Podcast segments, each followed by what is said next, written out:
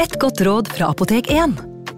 Nå er snart pollensesongen i gang, og et godt råd til deg som sliter med pollenallergi, er å begynne behandlingen i god tid før allergisesongen starter. Da får du nemlig enda bedre effekt av legemidlene, og så blir ikke våren din helt ødelagt. Kom innom og få råd på ditt nærmeste Apotek 1, eller chat med oss på apotek1.no. Apotek 1 vår kunnskap, din trygghet.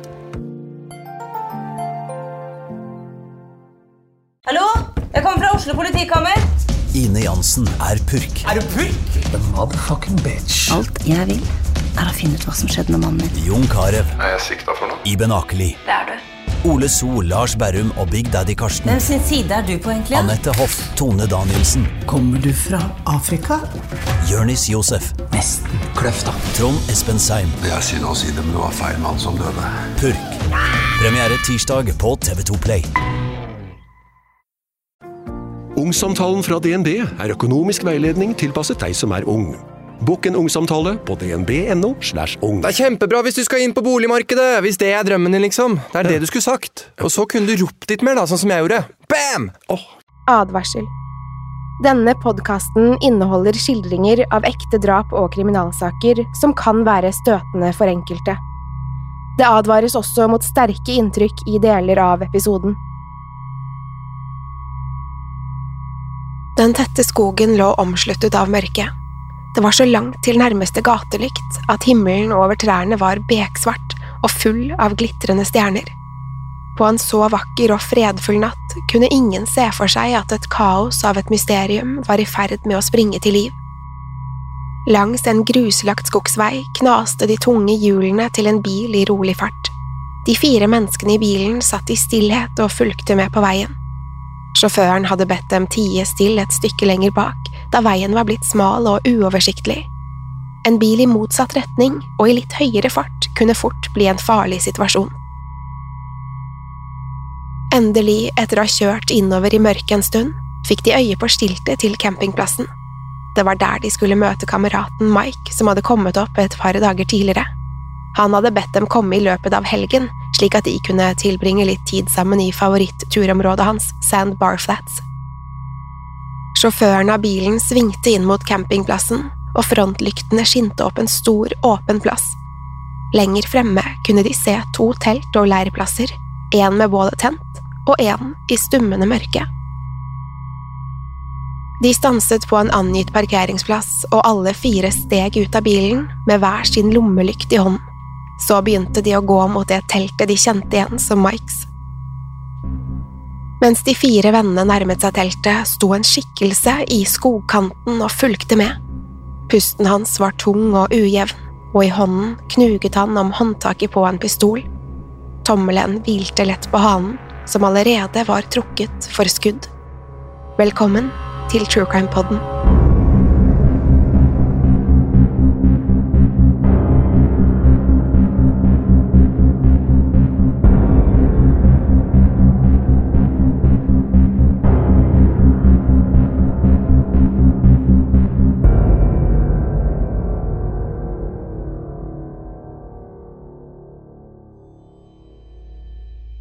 Michael Larry Madden, eller bare Mike som han ble kalt, hadde alltid vært en snill og omsorgsfull, om noe rampete gutt. Han var full av liv, latter og eventyrlyst allerede fra han var liten. Mike ble født i byen Modesto nord i California i 1976 og var sønn av Larry og Ardal Madden. De elsket lille Mike og ville gjøre alt de kunne for å gi gutten en god oppvekst. Likevel klarte de ikke å holde sammen som par, og skilte seg noen år etter at Mike ble født. Det spilte ikke noe stor rolle for Mike. Han følte seg ikke trukket mellom foreldrene på noen måte, og tilbrakte like mye tid med dem begge i oppveksten. Mike skulle vokse opp til å bli en godhjertet og forsiktig gutt. Han gjorde sjelden stort ut av seg, og holdt seg mest for seg selv. Det var ikke fordi han ble fryst ut eller ekskludert av de andre barna, men fordi han rett og slett nøt stillheten og roen i sitt eget selskap. Det betydde likevel ikke at Mike var en ensom gutt i oppveksten. Gjennom hele barndommen og ungdomstiden hadde Mike en liten, nær vennegruppe. De kunne treffes når de ville og finne på alt mulig. Samtidig var det rom for at hver av dem kunne tilbringe tid alene. Det var akkurat slik Mike ville ha det. I tillegg var familien svært viktig for Mike. Han hadde et spesielt godt forhold til moren sin Ardell, og det var alltid de to. Det hendte ofte at Mike tilbrakte kveldene sammen med henne, i stedet for for eksempel å være sammen med vennene sine. Det gjorde at de utviklet et helt spesielt nært forhold. Av alle Mikes mange interesser var det én som alltid trumfet alle andre. Mike var nemlig svært lidenskapelig når det gjaldt friluftsliv. Han elsket å være ute i naturen. Jakt, fiske, spaserturer, klatring og camping. Alt han kunne gjøre ute i det fri, appellerte til Mike. Noen mente til og med at interessen for friluftsliv var store deler av Mikes personlighet. Han reiste ofte ut i de store naturområdene rundt hjembyen helt alene, og ble der over en helg. Der slo han opp telt, fisket eller jaktet den maten han trengte, og nøt roen og freden i den frie naturen. Hver gang Mike dro ut på en ny tur, la han alltid igjen en lapp til foreldrene. Der skrev han om planene sine for turen, hvor han skulle, og hva han skulle gjøre der. Det var en regel i huset som de hadde hatt hele Mikes liv. Om noe skulle skje, eller de ikke fikk tak i Mike, kunne de alltid følge lappen og finne ham igjen. Det forutsa også, naturlig nok, at Mike ikke gjorde noe eller gikk noe annet sted enn det som sto på lappen. Mike var en rutinert og erfaren friluftsentusiast og visste alltid hva han skulle gjøre i en nødsituasjon. Det handlet derfor ikke om at foreldrene ikke stolte på at han hadde det bra. Likevel var det en slags trygghet for Larry og Ardell, spesielt når Mike var et sted han ikke kunne nås på vanlig måte. Interessen for natur og friluftsliv skulle bare vokse med årene. Da Mike ble ferdig med grunnskolen og skulle begynne å studere, var det derfor kun ett studie som interesserte ham. Mike begynte på Humboldt State University, hvor han studerte biologi med hovedfokus på ville dyr i den amerikanske naturen. Mike var ikke bare opptatt av dyr og friluftsliv. Han hadde også et brennende engasjement for miljøvern og naturpreservering. Ifølge familie og venner hadde han alltid hatt en drøm om å fullføre studiene og begynne å jobbe for US Forest Service, en organisasjon som vernet og forvaltet USAs skogsområder. Det var ikke rart at Mike hadde blitt så interessert i friluftsliv som han hadde. Alt sammen hadde han nemlig lært av faren Larry, som også var en entusiastisk friluftsmann. De to hadde ofte dratt på turer i skog og mark opp gjennom Mikes oppvekst, Larry lærte sønnen alt han kunne om jakt, fiske og camping, og de to nøt litt far-sønn-tid borte fra alt av hverdagens jas og mas. Larry og Mike hadde mange steder de pleide å reise til, men en av favorittplassene deres å campe var et område som het Sandbar Flats i Stanislaus National Park. Det var et vakkert, stille naturområde, like utenfor den lille byen Sonora. Elver og små bekker stakk frem overalt i landskapet og var ypperlige fiskevann. Ellers var området dekket av barskog og fjellknauser, ikke ulikt det man finner over store deler av det nordvestlige USA. Nåletrær og kratt dominerte mesteparten av området, men noen plasser var blitt jevnet ut, og det var sådd plen. Disse stedene var perfekte for å sette opp telt og ha som base for større og mindre turer i terrenget. Glade fotturister, fiskere og jegere på alle erfaringsnivåer tilbrakte helgene i Sandbar Flats, hvor man kunne nyte roen og stillheten. Var man heldig, kunne man kanskje til og med få et glimt av det yrende dyrelivet i området. Familier med små barn besøkte turområdet daglig, og ingenting ved det var for utfordrende for noen. Det var en av grunnene til at Mike elsket Sandbar Flats. Han var glad i en utfordring, men innimellom var det deilig å bare reise et sted hvor han ikke behøvde å tenke på eventuelle farer ved terrenget. I Sandbar Flats var det ingen steder å gå seg bort, og ingen dyr var for farlige eller nærgående. Det var etter alt å dømme et trygt og idyllisk sted, hvor ingenting farlig noen gang hendte, helt til det plutselig gjorde det. Grytidlig om morgenen den 10. august 1996 våknet Mike og nærmest spratt opp av sengen. Han hadde våknet fem minutter før vekkerklokken, noe som ikke var så uvanlig. Mike hadde en slags indre vekkerklokke som fikk han til å våkne like før han måtte. Likevel var det trygt å ha alarmen der, bare i tilfelle. Mike strakk seg litt på sengekanten før han reiste seg og begynte å pakke det siste som skulle i sekken. Fiskestangen, slukene, teltet og soveposen var allerede blitt stappet ned i den digre tursekken kvelden i forveien. Det som gjensto, var det som hadde stått kaldt over natten. Mat og andre rasjoner ble lagt på toppen av alt det andre, eller puttet i gamle handleposer før Mike bar alt sammen ut i bilen. Mens Mike hev i seg litt frokost, skrev han den vanlige lappen til moren sin og fortalte om planene. Denne gangen var den kort og grei. Mike skulle kjøre til campingplassen i Sandbar Flats. Der skulle han sette opp et telt og bli et par dager. Han skulle fiske og vandre langs elvene og i skogene, og ville ikke være hjemme igjen før tidligst den 12. august. Mike skrev også at noen venner av ham kom til å komme opp til campingplassen den 11. eller 12. august, hvor de hadde avtalt å hygge seg gjennom dagen og kvelden. Det var det hele. Mike skrev ikke mer enn det, og det var ingenting uvanlig med det han hadde skrevet heller. Det var en kort og grei redegjørelse av turen, slik avtalen med foreldrene var.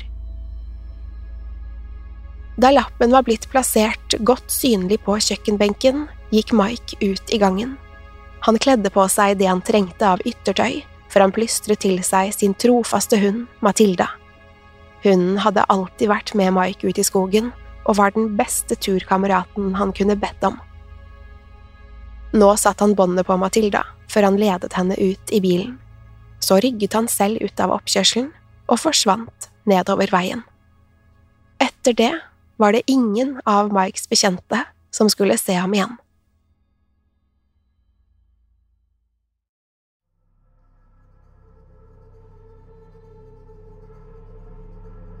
Natt til den 12. august skinte et par frontlykter nedover den gruslagte veien mot campingplassen i Sand Bar Flats. Lysene kom nærmere og nærmere, helt til de stoppet noen meter fra den gresskledde leirplassen. Frontlyktene ble slukket i takt med motoren på bilen, og dørene ble åpnet. De som kom ut, var en gruppe unge voksne i begynnelsen av 20-årene. De smilte og lo idet de lyste med lommelyktene sine over campingplassen. Der var det kun to telt som var slått opp et lite stykke fra hverandre. Den lille gruppen kikket fra det ene teltet til det andre, før de innså hvilket som tilhørte deres gode venn Mike Madden. Det så mørkt ut der inne, men Mike visste at de skulle komme, så de gikk rolig og i samlet flokk mot teltet.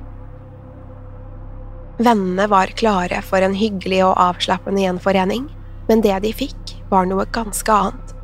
Ved teltet fikk de se Mikes fiskeutstyr, eiendeler og et nybygget bål, men Mike selv var ikke å se noe sted. Klokken var nærmere to på natten, og det var allerede blitt mørkt for lenge siden. Dermed virket det merkelig om Mike fremdeles var der ute i terrenget og fisket eller gikk tur. Det var helt ulikt Mike i så fall. Han visste godt at man ikke kunne bevege seg i ukjent natur etter mørkets frembrudd.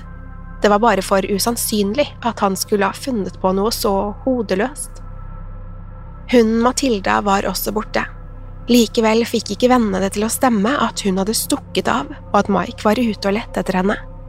Slik som de kjente Matilda, var hun den mest lojale hunden de noen gang hadde sett. Hun ville aldri ha gått langt fra Mike altså var det også et utenkelig scenario. Mikes venner sto slik og lurte da de plutselig fikk høre det knake i kvister lenger borte. De spant rundt og rettet lommelyktene sine mot lyden, og da fikk de øye på en ukjent mann som kom sakte mot dem fra mørket. Mannen skygget for øynene mens han introduserte seg som Joseph Tyne og spurte om gruppen lette etter Mikey. Vennene stusset litt over dette, da Mike aldri hadde gått under kallenavnet Mikey. Det var i alle fall ikke noe han ville introdusert seg som overfor en fremmed. Vennene spurte om Joseph hadde sett Mike, men det hadde han ikke, ikke siden de hadde pratet sammen tidligere den dagen. Dermed var det ikke annet å gjøre enn å vente. Vennene og den ukjente Joseph satte seg ved et bål mens de håpet at Mike ville dukke opp snart. Stillheten senket seg etter hvert over leirplassen. Ingen sa et ord, mens bekymringen steg i takt med det knitrende bålet. Den eneste andre lyden på leirplassen kom fra Joseph. Hele tiden hadde han sittet og fiklet med en pistol han hadde i beltet. Det var en ganske vanlig jaktpistol, som vennene til å begynne med ikke hadde tenkt noe særlig over. Nå var det likevel annerledes, for Joseph begynte å spenne hanen på våpenet av og på. Det virket skremmende og truende, og vennegjengen ble stadig mer ukomfortable. I hele seks timer skulle de sitte der og vente, og ikke ett øyeblikk sluttet Joseph å fikle med pistolen. Om det var noe i det, eller om det bare var en tilfeldighet, var det ingen som visste, men vennene kunne sverge på at Joseph hadde hatt på seg et par av Mikes støvler. Dette skulle likevel aldri bli bekreftet eller avkreftet. Og hele tiden de satt der, dukket heller ikke Mike og Matilda opp. Da morgenen kom og det fremdeles ikke var noen tegn til dem noe sted, kunne ikke vennene vente lenger. Mike var forsvunnet og så ikke ut til å komme tilbake. De kontaktet politiet, som var på stedet kort tid senere, sammen med redningstjenesten. Derfra ble det gjort en rekke søk i området. Alle var enige om at det var ulikt Mike å bare bli borte på den måten. Likevel var det mulig at han hadde falt og slått seg et sted der inne i skogen. Om han lå ute i villmarken og trengte hjelp, ville de nok snart finne ham. Timene gikk, og ingen funn ble gjort, verken av Mike eller hunden Matilda. Som om ikke det var merkelig nok, fantes det heller ingen spor etter dem noe sted. Det var som om de bare hadde gått fra campingplassen og forsvunnet i løse luften. Det var ingen tegn til at det hadde skjedd noen ulykke, eller at noe var galt i det hele tatt. Alt av Mikes utstyr var på plass, og det eneste som var borte, var Mike og Matilda. Det virket som venner og familie aldri skulle få se Mike igjen. Ingen nye spor dukket opp, og ingen sto frem med informasjon som kunne bidra i søket. Det var en merkelig situasjon, der ingen riktig visste hvor de skulle begynne for å finne den savnede 20-åringen. Så, etter fire lange dager, skulle noe dukke opp som ga Mikes nærmeste et snev av håp. Plutselig hadde hunden Matilda haltet inn på campingplassen fra skogen. Hun var svært dehydrert og hadde gått ned i vekt, men ellers var hun i relativt god behold. Det var tydelig at hun hadde bodd i skogen de siste dagene, men det var ingen synlige skader eller merker på henne. Redningsmannskaper hastet til for å hjelpe den bortkomne hunden. Kanskje den kunne bidra i leteaksjonen og føre dem til Mike. Matilda ble godt tatt vare på, frem til hun var blitt sterkere. Fulle av håp sendte redningsmannskapene henne ut i skogen igjen, men resultatene var nedslående. Matilda kunne ikke vise dem til Mike, eller noe som lignet på spor etter ham. Hele prosessen med å bruke Matilda i jakten på Mike skulle bli hardt kritisert i ettertid. Flere mente det ikke ble gjort nok for å finne ut hvor Matilda hadde kommet fra den dagen hun haltet inn i leiren. Om de hadde brukt sporhunder, kunne de kanskje fulgt Matildas vei gjennom skogen, og dermed kanskje funnet Mike i enden av sporet. I stedet ventet redningsmannskapene på at Matilda skulle bli frisk, så hun kunne vise veien selv. Da det var mislykket, var sporet etter Matilda gjennom skogen allerede for kaldt til å følges. Etter det var det ikke flere spor i den merkelige saken. Det fantes ingenting å gå etter, til tross for at området ble saumfart en rekke ganger. Mike var og forble borte, og ingen visste hvor han kunne være. Hva var det som hadde skjedd? Hadde Mike vandret inn i skogen på egen hånd og forsvunnet? Lå han ihjelslått i en steinrøys et eller annet sted? Eller var det noe annet som hadde skjedd, noe langt mer ondskapsfullt? Kunne noen andre stå bak den merkelige forsvinningen? Tanken gikk naturligvis til den mystiske Joseph Tyne, som tilfeldigvis hadde vært på leirplassen samtidig med Mike. Han var skremmende og mistenkelig nok i seg selv, og handlingene hans overfor Mikes venner hadde ikke gjort det noe bedre. Det var ingen tvil om at Joseph måtte ha snakket med Mike på et eller annet tidspunkt. De hadde bodd på samme campingplass, og Joseph kjente til Mikes navn. Likevel kunne han ikke si noe om hvor Mike var blitt av. Joseph ble avhørt av politiet om saken, men nektet for å ha noe med forsvinningen å gjøre. Politiet presset Joseph alt de turte, men det dukket ikke opp noen ting som tilsa at han løy. Det ble til og med gjennomført en løgndetektortest, og Joseph gjennomførte med glans. Det virket faktisk som han bare hadde vært på leirplassen samtidig med Mike ved en tilfeldighet. Flere av Mikes venner var slett ikke overbevist om at politiet hadde rett i at Joseph var uskyldig. De mente han var en åpenbar kandidat og en mistenkelig mann. Den konstante klikkingen med hanen på pistolen var mer enn nok bevis for dem til å stemple Joseph som en farlig og skummel type. Politiet undersøkte Josephs pistol og kunne bekrefte at det ikke var blitt avfyrt noen skudd fra den i perioden Mike ble borte. Om Joseph tok livet av Mike, så hadde han i alle fall ikke gjort det med pistolen. Altså var det ingenting som direkte kunne knytte Joseph til Mikes forsvinning. Til tross for det var det mange som mente Joseph var den eneste mulige gjerningsmannen, og at han hadde lurt politiet trill rundt. Uansett hvordan det var eller ikke var, fantes det ingen beviser for at Joseph var involvert.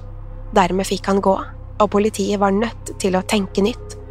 De måtte holde alle dører åpne og se på enhver mulighet, uansett hvor usannsynlig det virket. De forhørte seg med alle som kjente Mike på noen som helst måte, og spurte om han kunne hatt noen fiender som ville han vondt. Det hadde han ikke. Mike var en godhjertet gutt som alle var glade i. En annen løsning var at Mike hadde villet forsvinne. Også dette hadde venner og familie avskrevet med det samme. De mente Mike aldri ville stukket av på egen hånd, og at han i alle fall aldri ville begått selvmord.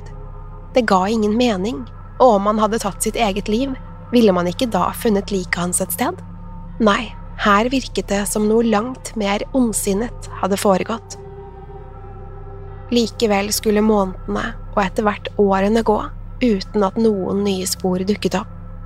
Mike Maddens forsvinning var og forble et mysterium. Det var helt til en ganske annen sak plutselig fikk sin oppklaring i 1999. Det var nemlig det året fire kvinner ble funnet brutalt mishandlet og drept i Yosemite National Park, kun en drøy mil øst for Sandbar Flats. Morderens navn var Carrie Stainer, og han hadde vært aktiv mellom februar og juli 1999. Det var riktignok noen år etter at Mike hadde forsvunnet, men det kunne være en mulighet. Kunne den beryktede seriemorderen være ansvarlig for Mikes forsvinning også? Steiners rettssak gikk av stabelen i 2002, og der tilsto han drapene på to voksne kvinner og to tenåringsjenter.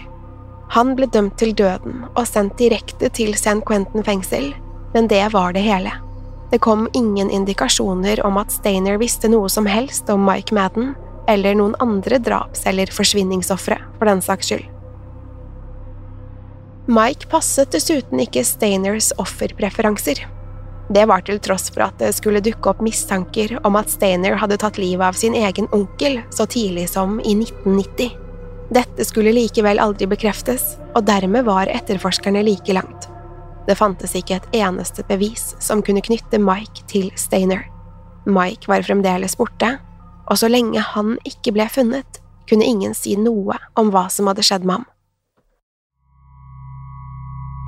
Det skulle bli siste ord i den mystiske saken om Mike Maddens forsvinning. Ingen flere spor har dukket opp siden, og saken er for lengst henlagt. Den dag i dag verserer det likevel en rekke teorier og rykter om hvor han kan ha blitt av. Noen mener bestemt at han må ha blitt offer for et drap, mens andre sier Mike sannsynligvis har forsvunnet på egen hånd. Om Mike fremdeles er der ute et sted, er han over 40 år gammel. Sannheten bak den merkelige forsvinningssaken forblir altså et mysterium som ingen ser ut til å kunne løse. Inntil videre er Mike med den sporeløst forsvunnet, og har vært det siden den skjebnesvangre dagen i 1996.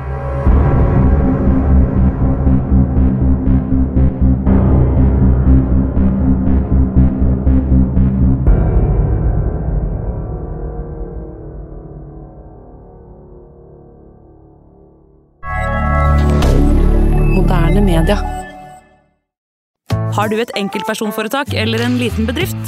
Da er du sikkert lei av å høre meg snakke om hvor enkelt det er med kvitteringer og bilag i fiken, så vi eh, gir oss her, vi. Fordi vi liker enkelt. Fiken superenkelt regnskap. Hei! Takk for at du lytter til True Crime Podden. Skulle du ønske at du kunne høre en ny episode av denne podkasten hver eneste uke? Vel, da er det bare å laste ned podkastappen Untold med en gang. I tillegg til ukentlige episoder av podkaster som Skrekkpodden, Synderne og Henrettelsespodden, får du masse annet reklamefritt og eksklusivt innhold. Last ned Untold i AppStore eller Google Play, og start din 30 dagers prøveperiode i dag.